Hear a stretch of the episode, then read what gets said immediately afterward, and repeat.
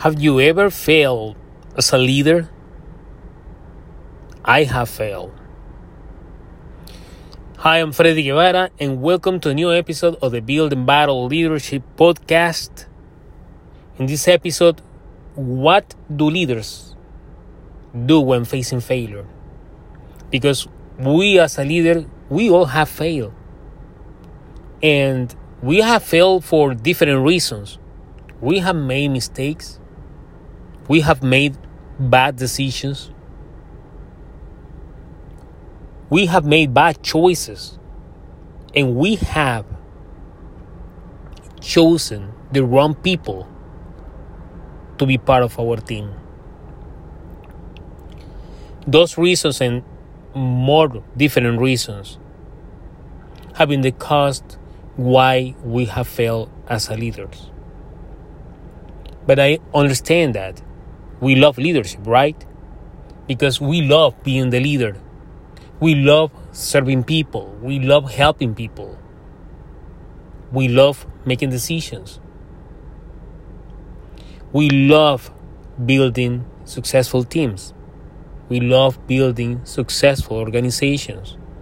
And we want to come back. So, what do we have to do? If we as leaders we have failed and we have lost our position and we want to come back here there are three things you can do as a leader so you can have a great comeback.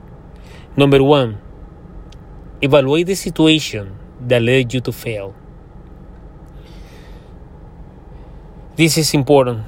It is crucial for you to become aware of the reasons that led you to make a mistake the reasons that led you to make the wrong decisions or to choose the wrong people for your team. Do an act of contrition and be as objective as possible when evaluating the causes of your failure. Do you know why? Because this will help you to take them into account and not repeat them again. Number two, strengthen your emotions. It's hard to fall and get back up. It is difficult. It's not easy. People say, "Come on, get up." It's not, no. Doesn't work like that. It's not. It's not easy. Okay. But you know what? Getting back up and wanting to return to a leadership position requires emotional strength. It is crucial for any leader to learn how to live with their emotions and channel those emotions in such a way that they are helpful in moving forward. Leader, be calm in times of chaos. Develop your emotional strength. Develop your character. You're going to be strong. You need to be strong. You need to strengthen your emotions. You need to control them, live with them, embrace them, and make them work on your behalf. Number three, make the necessary adjustment and changes. Leader, once you have identified the reasons why you have failed and you have worked on your emotional strength, now it's time to make the changes and adjustment to return to a leadership position. But it won't be easy. It won't be easy because it's going to take time and hard work. Do you know why? Because now, this time, you have to rebuild trust and rebuild your reputation as an effective leader. That's the reality. If you have failed as a leader, I'm going to summarize for you. Do these three things. Number one, evaluate the situation that led you to fail. Number two, strengthen your emotions. You had to work on your emotions. You had to be emotional, strong emotionally. And number three, make the changes. Make the changes and adjustment that you need to come back as a leader.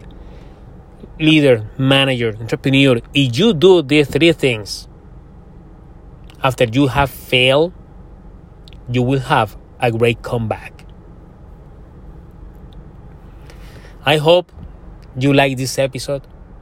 We are human beings and we are leaders.